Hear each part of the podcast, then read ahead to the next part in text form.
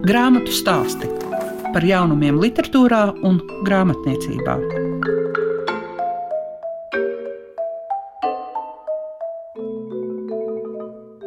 Ja esat klasikas klausītājs, tad šobrīd arī grāmatu stāstu klausītājs.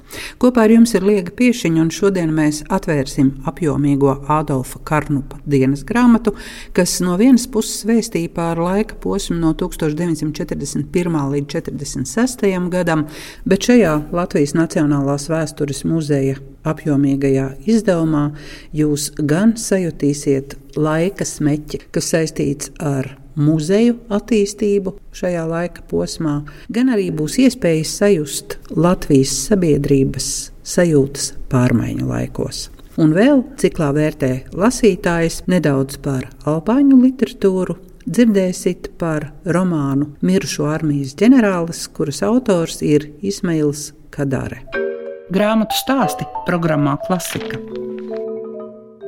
Šīs dienas grāmatas stāstos mēs pievēršamies kādai dienas grāmatai, kas gan ir apaugusi, izaugusi. Tā ir ne tikai kāda konkrēta cilvēka dzīves stāsts, tas ir arī stāsts par muzejiem, par muzeju vēsturi, pētniecību. Adolfa Karnupa biogrāfija ir ņemta arī par pamatu, lai tas būtu. Latvijas Nacionālais vēstures muzejs piedāvā saglabātu vēstures avotu. Direktoram Arnim Radiņam tad, nu, ir jāpasaka, kā tas viss sākās.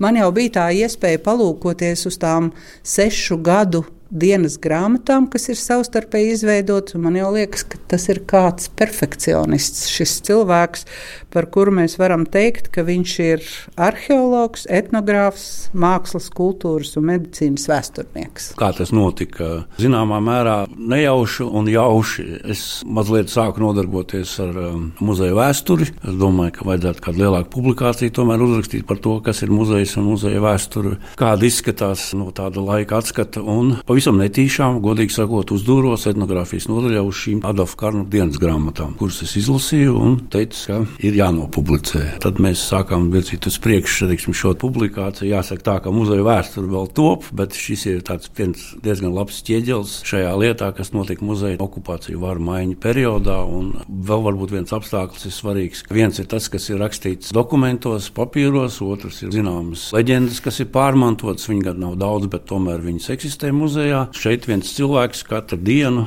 nu, ne gluži katru dienu, bet gandrīz katru dienu ir pierakstījis, kas ir noticis, ko viņš ir darījis. Pie tam mana sajūta ir, ka viņš ir domājis par to, ka šīs dienas grāmatas tiks izmantotas, ka viņas tiks lasītas. Viņas gan ir pietiekami nu, personiskas, bet tajā pašā laikā viņš ir pietiekami korekts un teiksim, arī tāds, lai nepateikt vairāk, kā grib pateikt, bet tomēr var pateikt. Tur var lasīt arī starp lapusēm, ja tu zini, kāda tā drēbe, starp rindiņām, kāda tā drēbe ir. Tā kā tas ir ārkārtīgi unikāls dokuments par šo laiku, un mēs esam ļoti priecīgi, ka šī publikācija ir tapusi.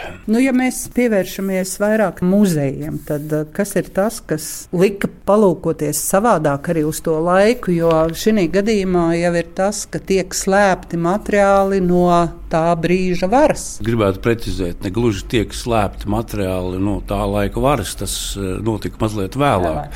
Šī gadījumā tika darīts viss, lai šos materiālus saglabātu un izvairītos no tām potenciālajām briesmām, ko dara kara darbība, cilvēku vēlme kaut ko iegūt. Varbūt šie apstākļi bija galvenie. Slēpšana no varas jau tas mazliet vēlāk, jo viņi ar to nebija sadūrušies. Jo principā 1941. gadā nekādas tādas masveida muzeja krājuma priekšmetu izņemšanas nenotika. Gluži otrādi, tātad padomju vara sekmēja šo Latvijas republikas liecību nonākšanu muzejos. No acīm redzot, iemesls bija pavisam vienkārši. Tātad ir jau kaut kur pieskaitīts un ir zināms, kaut vai tā paša Latvijas armijas vērtības tika nodotas kara kara muzejam, vēlāk tas nonāca revolūcijas muzejā, ko nodibināja padomu varu, un tad vēlāk nonāca arī mūsu muzejā Vācu okupācijas laikā. Un arī uzreiz pirmajos gados pēc otrā pasaules kara arī vēl nesāk izņemt ārā. Šeit jau bija vienkārši jautājums par to, kā legalizēt vai nelegalizēt, un kā katrs to izskatīt. Tur ir daudz objektīvu un subjektīvu lietu. Šī gadījumā es domāju, vairāk ir stāsts par to, kā šīs vērtības saglabāt. Varbūt slēpt no varas, lai vara viņas eh, nu, teikšu, vā, vā, neiznīcina vai, vai vācu vara teikšu, neaizved visu prom, un pie tam tur ir saistīts sajaukts arī šīs valsts lietas, valsts līmeņa, tas, ko muzejs vāc un kas ir teiksim, valsts uzskaitē.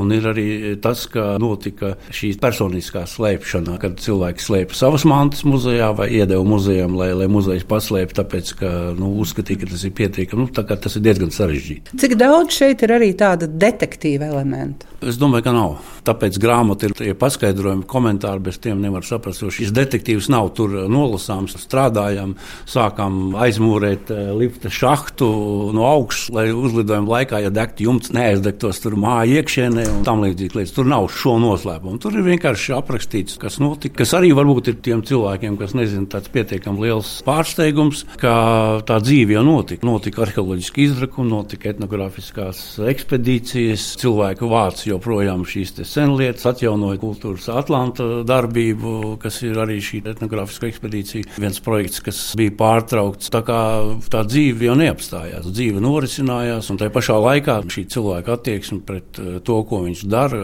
kam viņš seko. Šī gadījumā šeit Adolfs Karnaps kā personība, ka viņš klausās radio, lasa avīzes, par visu cenšas būt lietas kursā un vēl kaut kādas šajā savās piezīmēs, kaut kādu komentāru vai izgriezis kādu izgriezumu, un, un līdz ar to teiksim, mēs varam saprast, kāpēc viņš ir izgriezis. Vai tas, ka vāciešiem patīk ugunskrusts, vai es tur tagad novadīju Krievu ģenerālim kādu ekskursiju, un mēs tur savādāk. Tā kā tur ir viss šī attieksme, un varbūt arī šī spēja pielāgoties. Ir šī tevis sajūta, kas ir muzejs, ko tu dari, savu pašvērtību, ja, un tad kā nezaudējot šo visu, teiksim, tomēr mēģināt izdzīvot šajās varu maiņās, un kā nu kurš bija, jo katrā ziņā izskatās, ka Adolfs Karnovs bija, ja nebūtu šis nelaimīgais gadījums ar šo tiesas procesu, tad nu, viņš varētu būt bijis spilgts zvaigznes šeit pie mūsu zinātnes debesīm, jo viņš mēģināja iekļauties šajā sistēmā, kas eksistēja. Vai bija tāds vilinājums paplašināt šo laiku, jo grāmatā ir datēts no 41. līdz 46. gadam? Nē, nu, tas jau būtu neaptverami. Domāju, ka šeit ir tāds pietiekams lūzuma brīdis. Domājot par šo jautājumu, es nezinu, kāpēc viņš sāk rakstīt tieši šajā laikā, vai viņam pirms tam ir bijis. Iespējams, ka šīs pārmaiņas viņam lika to darīt. Teiksim, kāpēc viņš pārtrauca rakstīt, ir pilnīgi skaidrs, jo viņam vienkārši fiziski nebija vairāk šo iespēju pēc aresta. Bet katrā ziņā tas lūzuma periods ir nofiksēts. Pārmaiņu visvairāk esošais. Pēc tam jau faktiski ir zināma rutīna, kur notiek šo muzeju sovietizācija, kur 47. gadā sāk darboties revolūcijas muzejs kā flagmans pilnasenīgi ar savām telpām un visu šo ideoloģisko, kas kļūst par galveno muzeju, par to, ka visi šie provinces muzeji tiek pārveidot par šiem novadu pētniecības muzejiem padomu izpratnē, ka faktiski pēc tam jau notiek darbinieka nomaiņa. Pirmkārt, fiziski jau nebija tik daudz to darbinieku muzejā tajā iepriekšējā periodā. Tātad šobrīd muzeja darbinieku skaits pieaug, tajos jūku laikos ienāk dažādi cilvēki, bet pamatā izkristalizējās tie, kas ir ideoloģiski uzticīgi, kas atbilstoši šai ideoloģijai. Nav tik ļoti svarīgi viņa tās vēstures vai, vai kādas citas zināšanas, bet svarīgi ir šī uzticība ideoloģijai. Un tie daži cilvēki, kas it kā pārmantojās, viņi spiesti sevi pārgatavot. Visi beidz Marksismu Ļeņas universitātes un kaut kur 50. gadu sākumā jau sāk ienākt šie jaunie kadri, ko ir jau sagatavojusi padomju vara, jau Latvijas universitāte un citas augstskolas, kuri nāk iekšā. Un faktiski mūsu muzejā kaut kādā 54. gadā faktiski ir tikai divi cilvēki kas ir piedzīvojuši to, kas toreiz ir bijis. Viens no šiem cilvēkiem muzejā sācis strādāt Otrā pasaules kara laikā, un viens pirms tam no visiem darbiniekiem ir divi. Un, diemžēl uh, Lūcija Vankina ir atstājusi savus negluži atmiņas, bet uzrakstījusi arheoloģijas nodaļas vēsturi, kur no tāda zinātnieka skata skurpulozi, ņemot vērā, ka tas ir 1907. gadā tapis darbs, tātad ir izvairījusies no visiem šiem jautājumiem. Jā, un, kā mazs piemērs ir apmēram tāds, tātad muzeja lifta šahtā ir noslēpts uh, muzeja labākās senlietas, kas ir no ekspozīcijas, un viņi tur tā savus saka. Un pēc tam izrādījās, ka dažas mantas ir paslēptas lifta šachtā, un mēs tur izņēmām ārā. Tiksim, tur jau 45. gadā. Kaut gan viņa pati faktiski zināja, un varbūt viņa nebija tas cilvēks, kas fiziski tur ielika, bet viņa to visu zināja un piedzīvoja. Tad, tad nekādu šo atmiņu nav. Otra eh, ceplīte, numismātikas nodaļas vadītāja, cik es esmu runājis ar numismātu kolēģiem, un, un, es viņu nesatiku nesatika. Arī nekādas atmiņas nav atstājušas. Tā kā zināmā mērā Lūcija Vankina bija arī pratināta sakarā ar šo saucamo muzeja lietu. Viņai tas bija zināms tabū. Es strādāju arheoloģijas nodaļā un nereizi neko nedzirdēju. Un te ir tāds varbūt apburtais lokus, kur mēs mēģinām tagad pāraut. Un, un tas vienmēr ir jāatcerās, ka ir jāatstāj šīs zināšanas. Muzejos tas parasti notiek, lai nav šis uzdāvums. Un šī gadījumā, kaut vai es no savas pieredzes varu teikt, es sāku strādāt arheoloģijas nodaļā. Tātad šeit ir Lūcija Vankina, kas varēja pastāstīt šo, bet es nezināju, ko man jautāt, jo es to nezināju. Viņi arī man to nestāstīja. Ar šodienas zināšanām es zinātu, ko pajautāt, bet toreiz es biju pietiekami nu, zaļš gurķis. Un, un es tiešām nezināju. Vēl tas, ka tā arheoloģijas dzīve, tu jau dzīvo to arheologu dzīvi, tās lietas tur ir skaidrs. Tur Valdemārs Dinters kā arheologs un tā tālāk, bet Valdemārs Dinters kā šī muzeja direktors. Es absolūti neko nezinu. Valdemārs Dinters kā arheologs, bet kā muzeja direktors man ir maz priekšstats. Es ceru, ka es to, ko es tagad daru, man ir apmēram 500 lapus teksts, kas saucās muzeja vēsture ar nosacītu vārdu, kurā es nu, mēģināšu mēģināšu apmēram tā, kā es to saprotu, izdarīt. Ar atmiņām ir viena liela nelaime. Es esmu bijis daudzos eh, notikumos klāt un ko teikt, ko stāstīt. Nu, ņemsim vienalga kaut kādu zinātniskās padomas protokols. Tur būs sauc pateikts, kad ir noticis tas un tas, mēs ja tur esam pieņēmuši tādu un tādu lēmumu, tad eh, diskusijas būs atspēlētas ļoti maz, un tad tu tikai būdams tajā virtuvē iekšā, tu zini, kāpēc tika pieņemts šis lēmums un kā viņš tika panākts un tā tālāk. Un tās jau ir manas subjektīvās domas par to, kā tas bija. Tāpēc memoāri vienmēr ir diezgan bīstama lieta. Un šī gadījumā es gribētu izvairīties no memoāriem, jo vajadzētu būt tam, kas noticis. Jo tā subjektivitāte eksistē, un, un tur varbūt kāds cits cilvēks to atcerās pavisam savādāk. Un varbūt uh, mana loma tajos notikumos, es pats domāju, ir tāda, bet uh, citi cilvēki domā, ka mana loma ir apmēram vēl savādāka. Tas nav vienkārši. Tas nav vienkārši. Es godīgi neesmu nekad pierakstījis. Man kādreiz pat dzīves biedri teica, klausies, tu pierakstīsi, ko tu dari, vai kur tu esi, vai kaut kas. Bet es neesmu to darījis. Bet es varu godīgi pateikt, ir eh, dažādi pagrieziena brīži muzeja vēsturē bijis, kur varbūt tā grūti izskaidrot šo patiesību, kāpēc tā notika. Nevienmēr var pateikt. Arni, man liekas, ka tomēr būtu jāpievēršas arī pašam pie rakstīšanas. Savā plānotājā tu ieliec, ka vienu stundu nedēļā Nē, nu es man ir divi, divi parādi. Man ir viena uh, pusrakstīta grāmata no 1994. gada, kuras gribētu vēlreiz dzīvē pabeigt. To un otrs ir šī muzeja vēsture, kur bija domāts Jā. uzrakstīt uz muzeja 150 gadu un 100 gadu, bet tā arī neiznāca nu, dažādu iemeslu dēļ. Pieņemsim manas linkuma dēļ, bet nu, es kaut ko daru. Es domāju, ka šogad līdz gada beigām tam manuskriptam jātop un tad jāskatās, kas tas ir. Jo ļoti grūti grūti. Kas tas ir, par ko mēs tur runājam? Savus fakti, vai mēs runājam par kaut kādiem notikumiem, kāpēc notika tā vai notika šādi. Un šī gadījumā, kā jau teicu, nevienmēr es varu būt. Eh, man ir mans priekšstats par to, bet varbūt tas nebija tā. Līdz ar to man ir jāatrod vispārējais risinājums tam. Es atvainojos, bet man liekas, ka tajā brīdī, kad sāk par vēsturi runāt caur detaļām, tā palika interesanti arī plašākam laukam. Jā, bet te ir divas puses. Viena ir institucionālā, jeb iestādes vēsture, kas notiek. Un otrs ir uh, cilvēks šajā institucionālā vēsturē. Un dodot dokumentus un ļaujot, dodot uh, iespēju padomāt vai pašam atrast atbildi, kāpēc tas notika tā. Jūs teicāt, publikācija. Man nekādi tas tā neasociējas ar tik ļoti biezu un pamatīgu grāmatu, kur arī, kā saka, vizuāli Zaneranštreit ir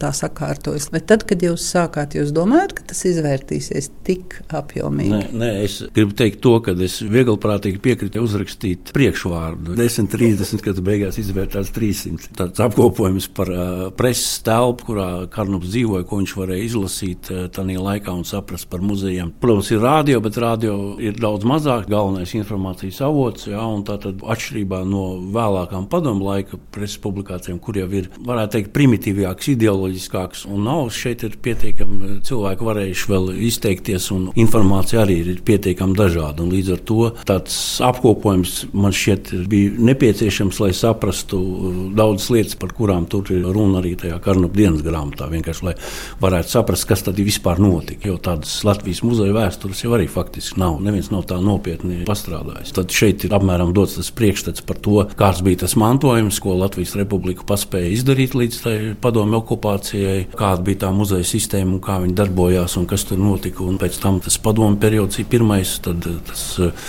okupācijas un tad tie pirmie gadi, kas pēc tam, kas ir pietiekami reformām bagāti, līdz galam nav saprotams pat kāpēc tā un, un daudz kas ir vēl skaidrojams. Grāmatu stāsti programmā Klasika. Sanita Kalna ir tā, kas Adolfa Karnupa dienas grāmatām ir pielikus klāt komentārus. Tur ir dažos teikumos jāraksturo laiks, situācija, piedāvām arī tādiem cilvēkiem, kuri to laiku nemaz nezināja. Ar komentāru rakstīšanu bija diezgan interesanti. Tā bija liela skola. Es apguvu padziļināti to, ko vispārīgi biju uzzinājusi, iemācījusies vai studējusi vēstures fakultātē. Tā kā es strādāju etnogrāfijas nodaļā, un tas laiks nav tik daudz saistīts ar etnogrāfiju, cik ar otrā pasaules kara situāciju, ar to laikmetainu. Tā kā nu, bija iespēja uzzināt gan no literatūras, gan no rakstiem, zinātniskās literatūras, daudz sīkumu, daudz dziļāk šo laiku saprast un arī redzēt tā cilvēka, tieši Adolfa Karnupa un viņa kolēģu dzīvi muzejā un darba muzejā, tajos politiskajos apstākļos, kādi toreiz bija, un arī novērtēt to viņu spēju palikt profesionāliem, uzticīgiem savam amatam, savai darba vietai un arī tai idejai, ko viņi jau no studiju laikiem bija piekopuši un uzturējuši. Tad tas savāktais materiāls ir tas, par ko mēs nesam atbildību valsts un savas tautas priekšā. Kuras bija varbūt tās detaļas, kuras jums nācās meklēt un skaidrot? Viens no tādiem interesantākajiem vārdiem ir broņa, kur man nebija pilnīgi nekādas saprašanas, kas tas ir. Nu, pēc konteksta es varēju saprast, ka tas ir kaut kāds papīrs vai apliecinājums, kas dod tiesības vai nu, tādas privilēģijas, ka tevi neiesauc aktīvajā kara dienestā. Bet kā to uzrakstīt tā, lai tas atbilstu patiesībai un lai to arī citi saprastu, tad uh, tur es vērsos arī pie kara muzeja kolēģiem, pie Gelderiņa kunga un Tomaševska kunga, kuri man ļoti daudz palīdzēja un arī patiesībā gandrīz manā vietā uzrakstīja to paskaidrojumu, un tāpēc arī mēs varējām to ielikt grāmatā, bet tā no literatūras to es atrast nevarēju šo skaidrojumu. Tā kā ļoti liels paldies arī citu muzeju kolēģiem, arī no Rojas muzeja kolēģiem, kad es meklēju mazliet vairāk informācijas par tādu kuģīti Helga, kas ir kursējis no Rīgas uz Dundagu, tad es arī nevarēju atrast šos faktus. Tad uh, man palīdzēja arī Rojas muzejs, kur uh, bija informācija par kāda vietējā cilvēka pierakstiem dienas grāmatu, kur bija šīs atmiņas saglabājušās, un šī dienas grāmata arī nav publicēta, tā kā es dabūju šo informāciju tīri jau no manuskripta. Tas ceļš, kā tie paskaidrojumi tapa, ir ļoti interesants. Kur šo grāmatu var iegādāties? Grāmatu šobrīd var iegādāties muzeja veikalā. Muzejā ekspozīcija atrodas Brīvības bulvārī 32, un tur arī otrā stāvā ir veikaliņš. Ja mēs zinām saktas māju, tad otrā stāvā šo grāmatu var arī nopirkt. Grāmatu stāsti programmā Klasika. Tikko dzirdējāt Ādolfa Karnupa dienas grāmatas 1941, 46 sastādītāju un komentāru autora Latvijas Nacionālā vēstures muzeja etnogrāfijas nodaļas vadītāju Sanitu Kalnu. Bet grāmatu stāstu turpinājumā ciklā vērtē lasītājs dzirdēsit Vandu. Ismails Kadāre, albāņu rakstnieks, mirušu armijas ģenerālis uzrunāja paņemt lasīt, apakšā no albāņu valodas tulkojas Dens Dimiņš. Nu, Dena Dimiņa dēļ es arī ņēmu lasīt, sapratu, ka tai jābūt labai. Grāmata ļoti labi uzrakstīta, tēlaina. Stāsts ir par pēckara periodu, kad bijušās okupācijas okupantu valsts Te netiek minēts, viņa tā diezgan, nu, teiksim, politkorekta, kura tā ir valsts ģenerālis kopā ar priesteri. Viņam ir misija ierasties Albānijā un pārvest dzimtenē Albānijā kritušo karavīru atliekas.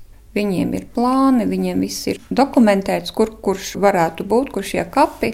Viņi sākumā tā kā īsā misija, un pēc tam ir garāka, un viņi ierodas Albānijā. Un es domāju, viss, kas ir bijuši Albānijā, arī tādēļ vien ir vērts izlasīt, lai gan viņi tiešām, nu, jūt ļoti šo autors vīrietis, te ir tāds arī starp šo tādu ļoti vīrišķīgu, varbūt tēlaino aprakstu ir arī sarkasms, tāds. Vismaz es to sajūtu, sarkasmu ar ironiju nedaudz, un ir divas puses. Bijuši okupanti, kuri ierodas pašlaik ar šo svētās misijas apziņu, un kā nu tad tie vietējie jutīsies ļoti vainīgi, ka viņi viņu šos zaldātus, viņu dēlus ir nogalinājuši, apšāvuši. Un tad ir šī īstenība, kā tas ir, kā viņi ar to tiek galā, gan tas priesteris, gan tas ģenerālis, vai netiek galā. Un uz šī fona mēs izlasām arī albāņu tautas vēsturi un arī šo sadzīvi, kultūra vēsturi. Tā kā grāmata ir ļoti iesakāma, vienīgais, nu jā, es viņu iesāku pirms Ziemassvētkiem un noliku malā, tā nebija Ziemassvētku grāmata nekādā ziņā. Grāmatu stāsti programmā Klasika. Izskan grāmatu stāsti. Šīs dienas raidījumā dzirdējāt par Adolfa Karnupa dienas grāmatu, kas vēstīja par laika posmu no 1941. līdz 1946. gadam, kā arī ciklā vērtē lasītājs par Izmaila Kadara romānu Mirušo armijas ģenerālis. Kopā ar jums bija Liega Piešiņa. Grāmatu stāsti par jaunumiem literatūrā un grāmatniecībā ik trešdienu, 9.5. ar atkārtojumu Svētdien, 18.15.